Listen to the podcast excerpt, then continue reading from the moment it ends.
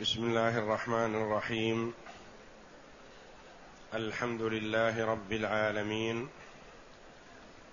والصلاة والسلام على نبينا محمد وعلى آله وصحبه أجمعين. وبعد. أعوذ بالله من الشيطان الرجيم.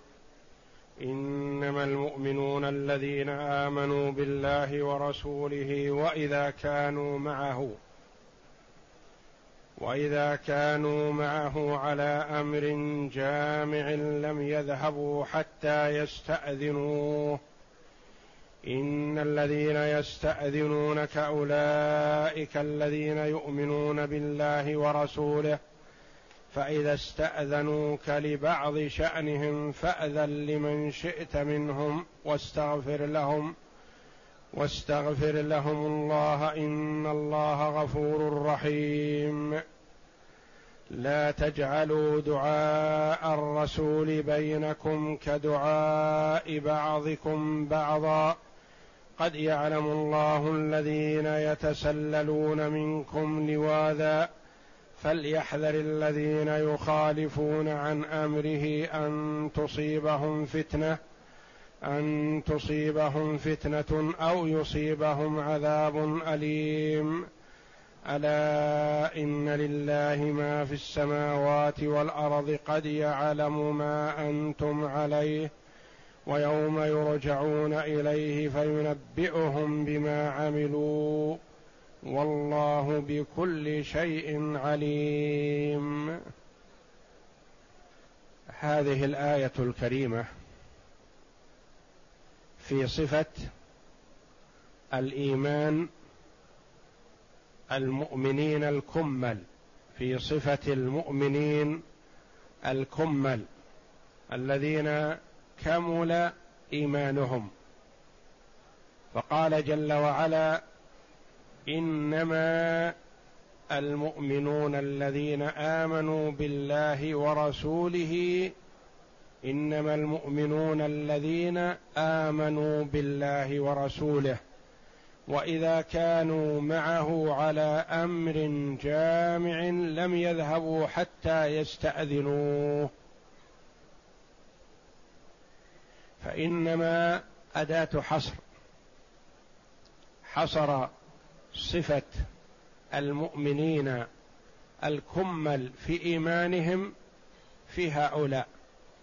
فالمعنى لا يتم إيمان المرء حتى يؤمن بالله ورسوله وإذا كان مع الرسول على أمر جامع لم يذهب حتى يستأذنه. والمراد بالأمر الجامع الأمر الذي يستدعي الاجتماع. صلاة الجمعة صلاة العيدين الجهاد في سبيل الله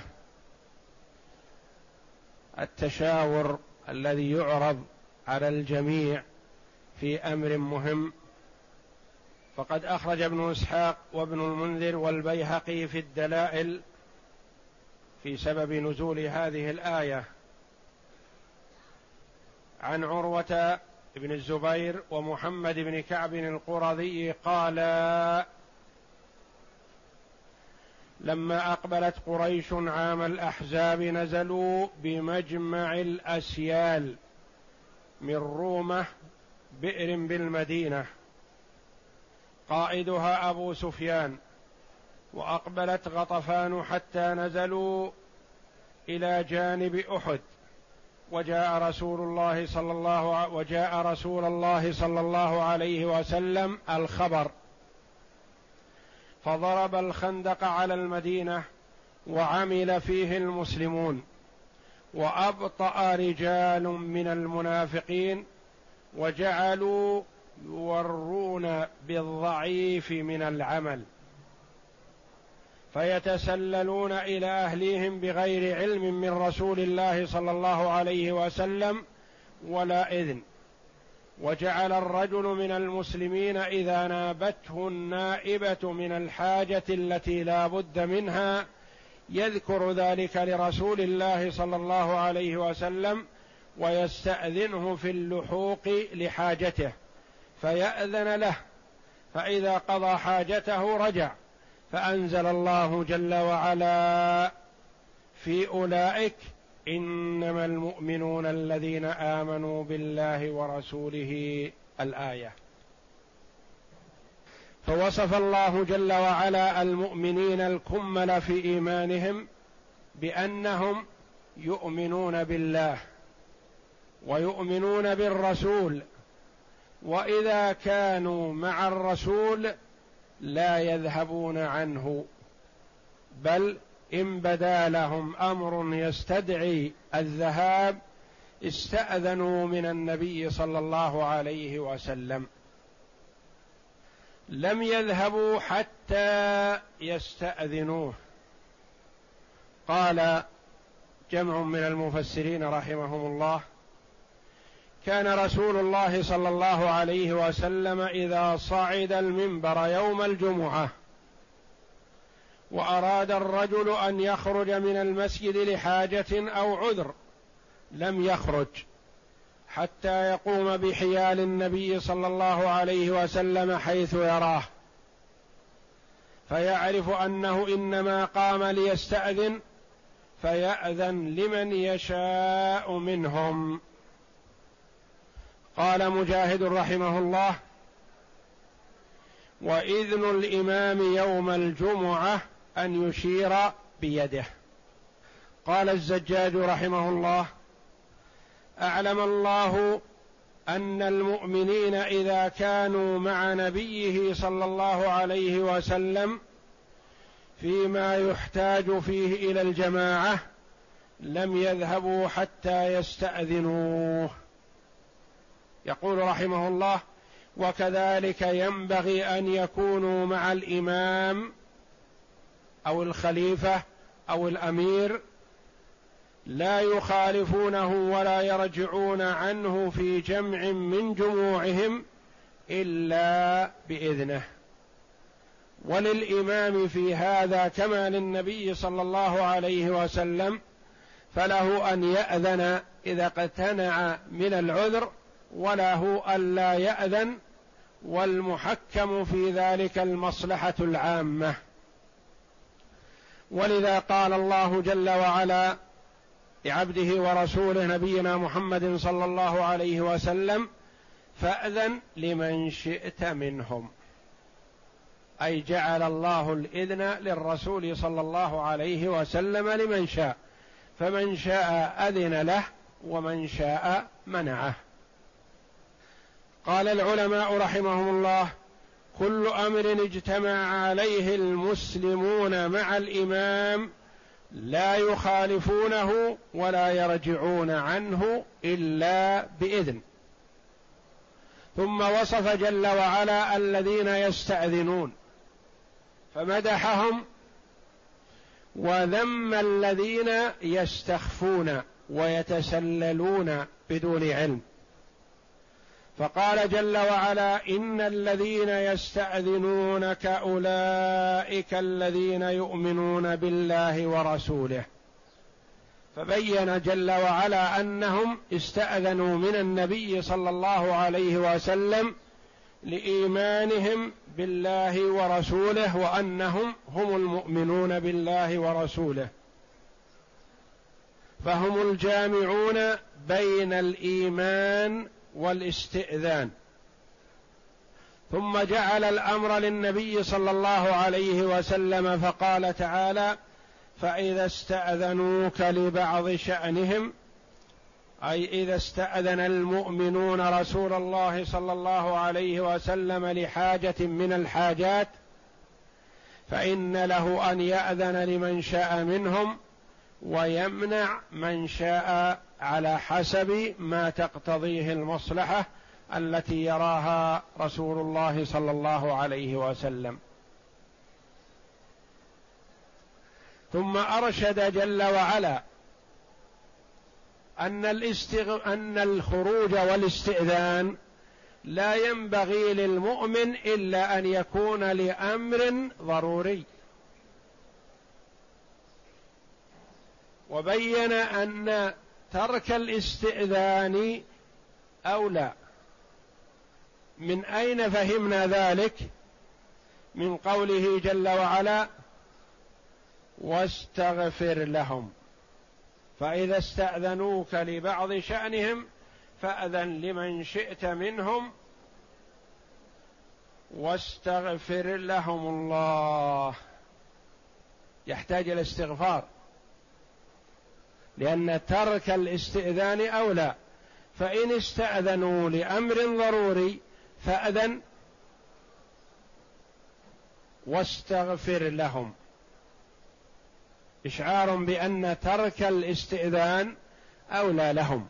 وملازمة النبي صلى الله عليه وسلم أحب إلى الله. فمن اضطر لأمر من الأمور فليستأذن.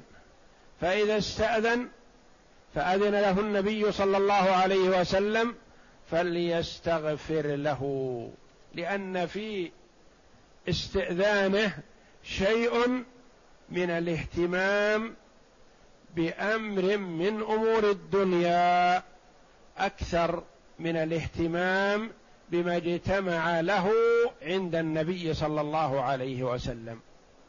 ولذا أمر النبي صلى الله عليه وسلم بالاستغفار.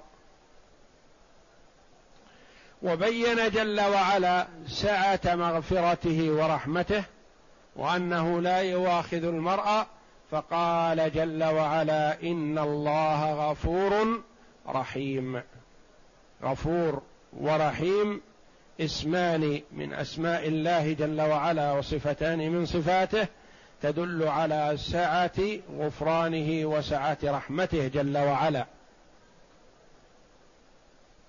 وهما من صيغ المبالغة. أي كثير المغفرة وكثير الرحمة بعباده جل وعلا. ثم بين جل وعلا منزلة رسوله صلى الله عليه وسلم. وأنه ينبغي أن يبجل ويعظم ويظهر فضله صلى الله عليه وسلم بلا غلو. فقال جل وعلا لا تجعلوا دعاء الرسول بينكم كدعاء بعضكم بعضا لا تجعلوا دعاء الرسول بينكم كدعاء بعضكم بعضا. يحتمل ثلاثة أمور وكلها حق. لا تجعلوا دعاء الرسول كدعاء بعضكم بعضا. يعني إذا دعاكم الرسول صلى الله عليه وسلم لأمر من الأمور فأسرعوا. ولا تجعلوا نداء الرسول كنداء غيره. هذا معنى. المعنى الآخر. لا تجعلوا دعاء الرسول بينكم كدعاء بعضكم بعضا. إذا أردتم مناداه الرسول صلى الله عليه وسلم فلا تنادوه كما ينادي بعضكم بعضا. تقول يا محمد أو يا أبا القاسم. لا. قل يا رسول الله. أو قل يا نبي الله. لا تناديه كما ينادى غيره باسمه صلى الله عليه وسلم بل ناده بصفة الرسالة أو النبوة التي تميز بها صلى الله عليه وسلم عن غيره. وهذا احتمال وقال به جمع من المفسرين. ويحتمل معنى ثالث وهو أنه تحذير من الله جل وعلا للعباد. لا تغضب الرسول صلى الله عليه وسلم فيدعو عليكم. فدعاء الرسول صلى الله عليه وسلم على شخص مستجاب. إذا قال الرسول صلى الله عليه وسلم لشخص أبعدك الله أو طردك الله من رحمته أو لعنك الله أو أخزاك الله فإن دعاء الرسول مستجاب. فاحذر أن تغضب الرسول صلى الله عليه وسلم فيدعو عليك فيستجاب له فيك. فتشقى شقاوة لا بعد ليس بعدها شقاوة تشقى في الدنيا والآخرة. وكلا هذه المعاني صحيح ومقصود والله أعلم. وهذا من بلاغة القرآن العظيم أن الجملة من القرآن تحتمل معان كثيرة كلها صحيحة. لا تجعلوا دعاء الرسول. إذا ناداك الرسول صلى الله عليه وسلم فبادر بالاستجابة. حتى وإن كنت مصليا. فالرسول صلى الله عليه وسلم إذا نادى من كان يصلي ينصرف ويتوجه إليه. كما قال الله جل وعلا يا أيها الذين آمنوا استجيبوا لله وللرسول إذا دعاكم لما يحييكم. فقد نادى الرسول صلى الله عليه وسلم أحد الصحابة وهو يصلي فأكمل صلاته ثم جاء مسرعا إلى النبي صلى الله عليه وسلم. فقال له النبي صلى الله عليه وسلم ما منعك أن تجيب؟ قال يا رسول الله كنت في صلاتي. قال أما سمعت الله يقول يا أيها الذين آمنوا استجيبوا لله وللرسول إذا دعاكم لما يحييكم. فلامه النبي صلى الله عليه وسلم في أنه كان الأجدر به أنه حينما سمع نداء النبي صلى الله عليه وسلم ينصرف من صلاته ويتوجه إلى النبي صلى الله عليه وسلم. لا تجعلوا دعاء الرسول بينكم كدعاء بعضكم بعضا. فدعاء الرسول من إضافة المصدر إلى فاعله ويجوز أن يكون من إضافة المصدر إلى مفعوله. فتقدم لنا ثلاثة معاني. في معنيين يكون من إضافة المصدر إلى فاعله. دعاء الرسول مناداة الرسول إذا ناداك من إضافة المصدر إلى فاعله. دعاء الرسول دعاؤه عليك من إضافة المصدر إلى فاعله. دعاء الرسول يعني مناداتك للرسول صلى الله عليه وسلم من إضافة المصدر إلى مفعوله.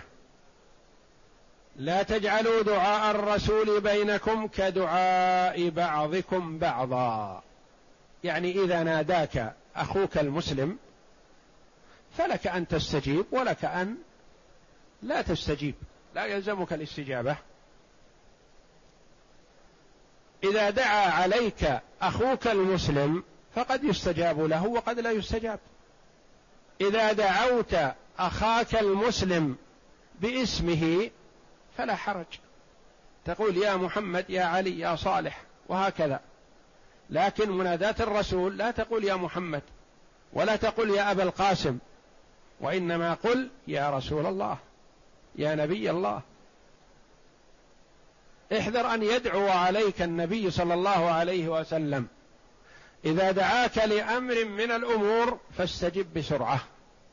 وهو عليه الصلاة والسلام يستحق التبجيل والتعظيم من أمته حيا وميتا. فإذا ذكر صلى الله عليه وسلم فيصلى عليه.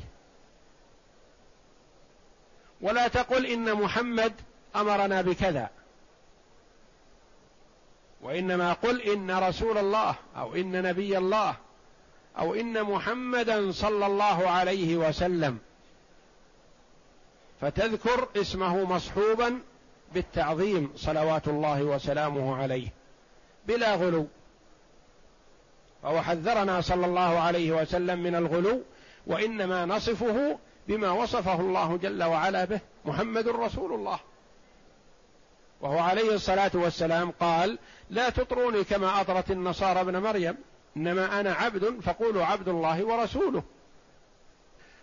لا تجعلوا دعاء الرسول بينكم كدعاء بعضكم بعضا.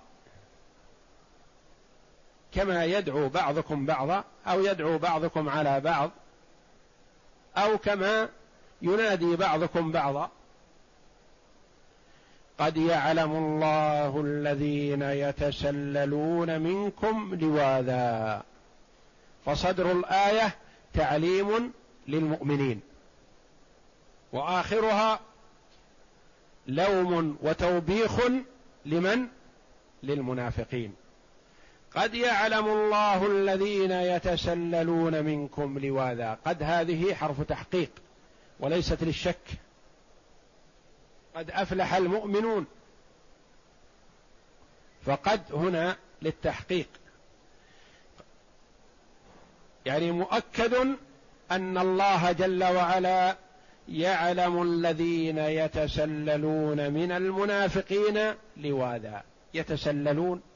التسلل هو الذهاب واحدا بعد الآخر بخفية بدون إظهار.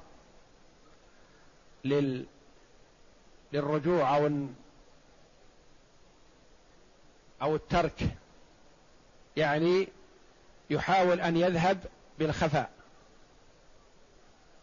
يتسللون منكم لواذا أي يلوذ بعضهم ببعض يتقي بعضهم ببعض. فإذا استأذن مؤمن من النبي صلى الله عليه وسلم حرس المنافق أن يختفي به ويخرج بين يديه. المؤمن استأذن والمنافق اختفى وخرج. يتسللون منكم لواذا يلوذ بعضهم ببعض يختفي بعضهم ببعض. فليحذر الذين يخالفون عن أمره. تحذير من الله جل وعلا. للأمة مؤمنهم ومنافقهم. فليحذر الذين يخالفون عن أمره أن تصيبهم فتنة. من خالف أمر النبي صلى الله عليه وسلم فقد عرض نفسه للفتنة. عرض نفسه للخطر. ما الفتنة؟ قد تكون الشرك أو الكفر أو النفاق أو القتل أو المصيبة أي مصيبة كانت بحسب مخالفته. فليحذر الذين يخالفون عن أمره أن تصيبهم فتنة أو يصيبهم عذاب أليم. فليحذر الذين يخالفون عن أمره. ضمن معنى يخالفون معنى الإعراض والصد. لأن المخالفة خالف تتعدى بنفسها ولا تتعدى بعن. ولكن لما ضمنت معنى يعرضون جاءت عن يعرضون عن أمره. أو يصدون عن أمره. وأو هذه لمنع الخلو. يعبر عنها العلماء بقولهم أو لمنع الخلو. ليست للشك. أي أنه لا بد من وقوع شيء إما هذا أو هذا أو يقع الأمران معا. أن تصيبهم فتنة في الدنيا أو يصيبهم عذاب أليم في الدنيا أو في الدنيا وفي الآخرة. وقد فسر ابن عباس رضي الله عنه ذلك في قوله للصحابة رضي الله عنهم أجمعين. يوشك أن تنزل عليكم حجارة من السماء. يقوله لمن خالفه في أمر من أمور الحج يوشك أن تنزل عليكم حجارة من السماء. أقول قال رسول الله صلى الله عليه وسلم وتقولون قال أبو بكر وعمر. انظر تحذير حبر الأمة رضي الله عنه. يوشك أن تنزل عليكم يعني على الأمة حجارة من السماء. لما؟ يقول لأني أقول لكم قال رسول الله صلى الله عليه وسلم وتقولون قال أبو بكر وعمر يعني تعارضون قول الرسول صلى الله عليه وسلم بقول أبي بكر وعمر. وأبو بكر وعمر رضي الله عنهما أفضل الأمة بعد نبيها.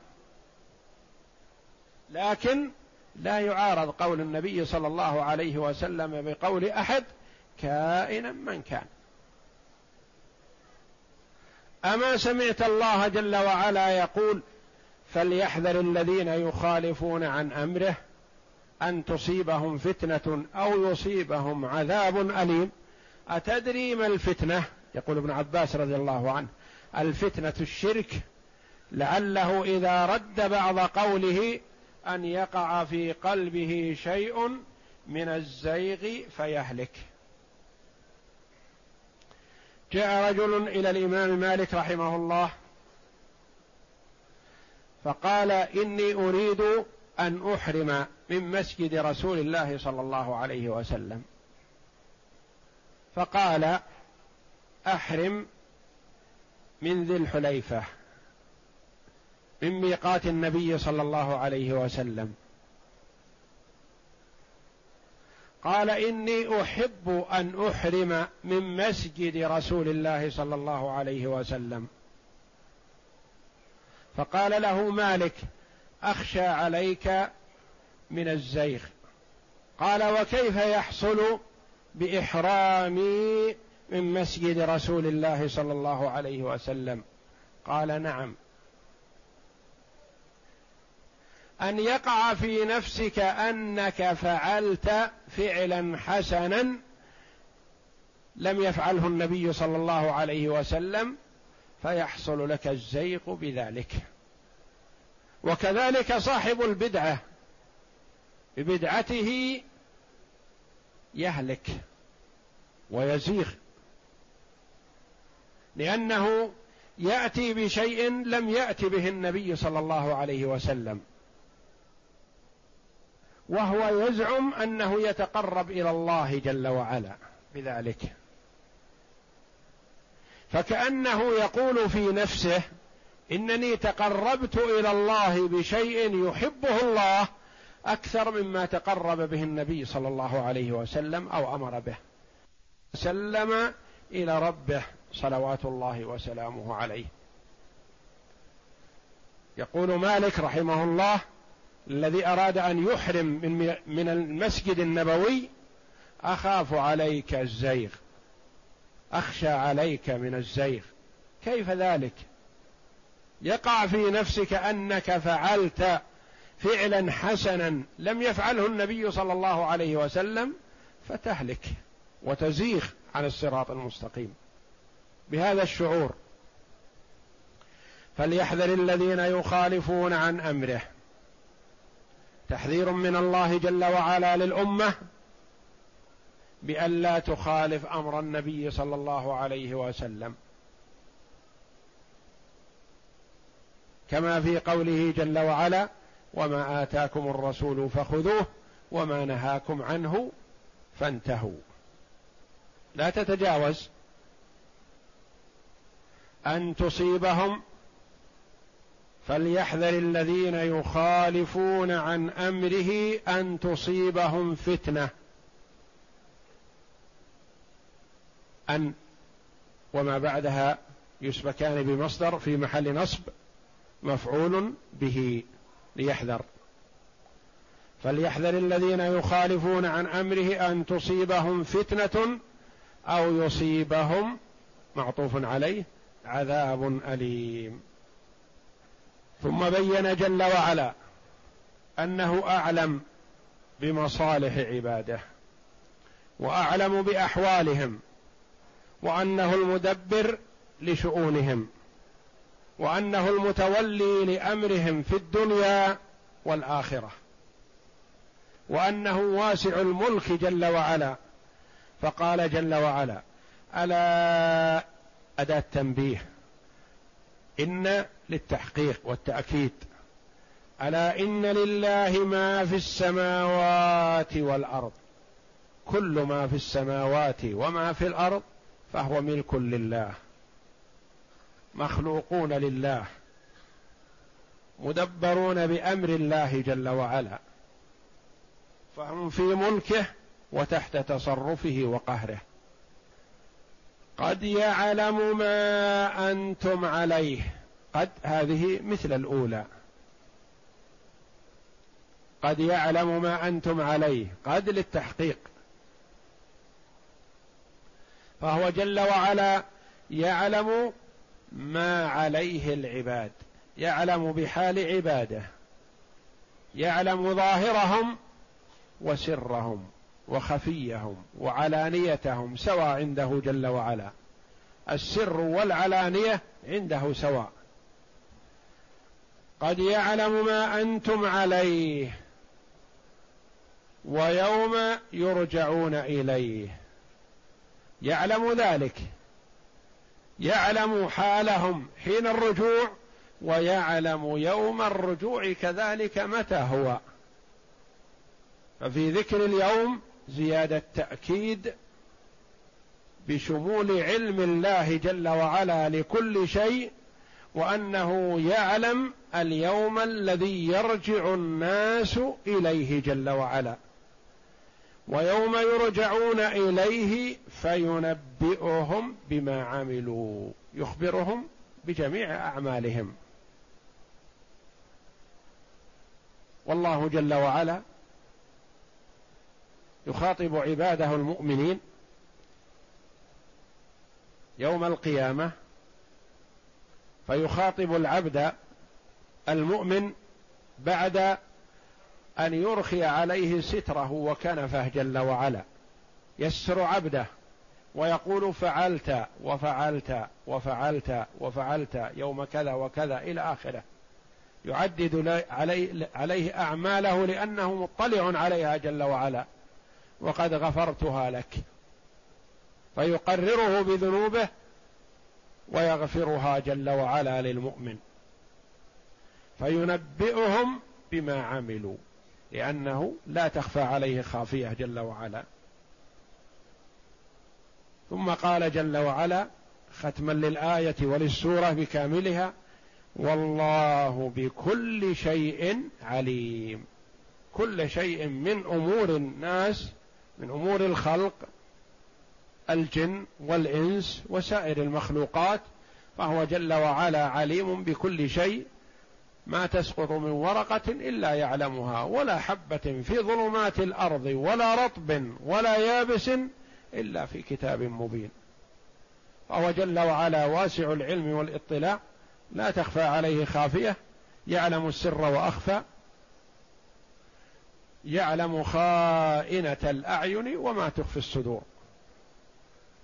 فإذا علم العبد ذلك وأيقن بذلك اتقى الله جل وعلا. وخافه وراقبه في جميع شؤونه. وتلك المراقبة هي أعلى الدرجات التي يتصف بها المؤمن وهي درجة الإحسان. درجة الإحسان.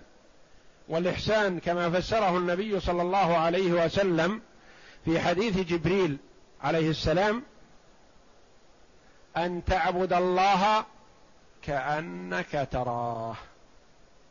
فإن لم تكن تراه فإنه يراك. أن تعبد الله كأنك تشاهده. وأن تعتقد أنك إن لم تكن تراه وإن لم تكن تراه فإنه جل وعلا يراك ويطلع عليك. تعبد الله جل وعلا عبادة من هو موقن بأن الله جل وعلا مطلع عليه. وتلك أعلى الدرجات التي يمكن أن يتصف بها المؤمن. والله أعلم. وصلى الله وسلم وبارك على عبد ورسول نبينا محمد وعلى آله وصحبه أجمعين.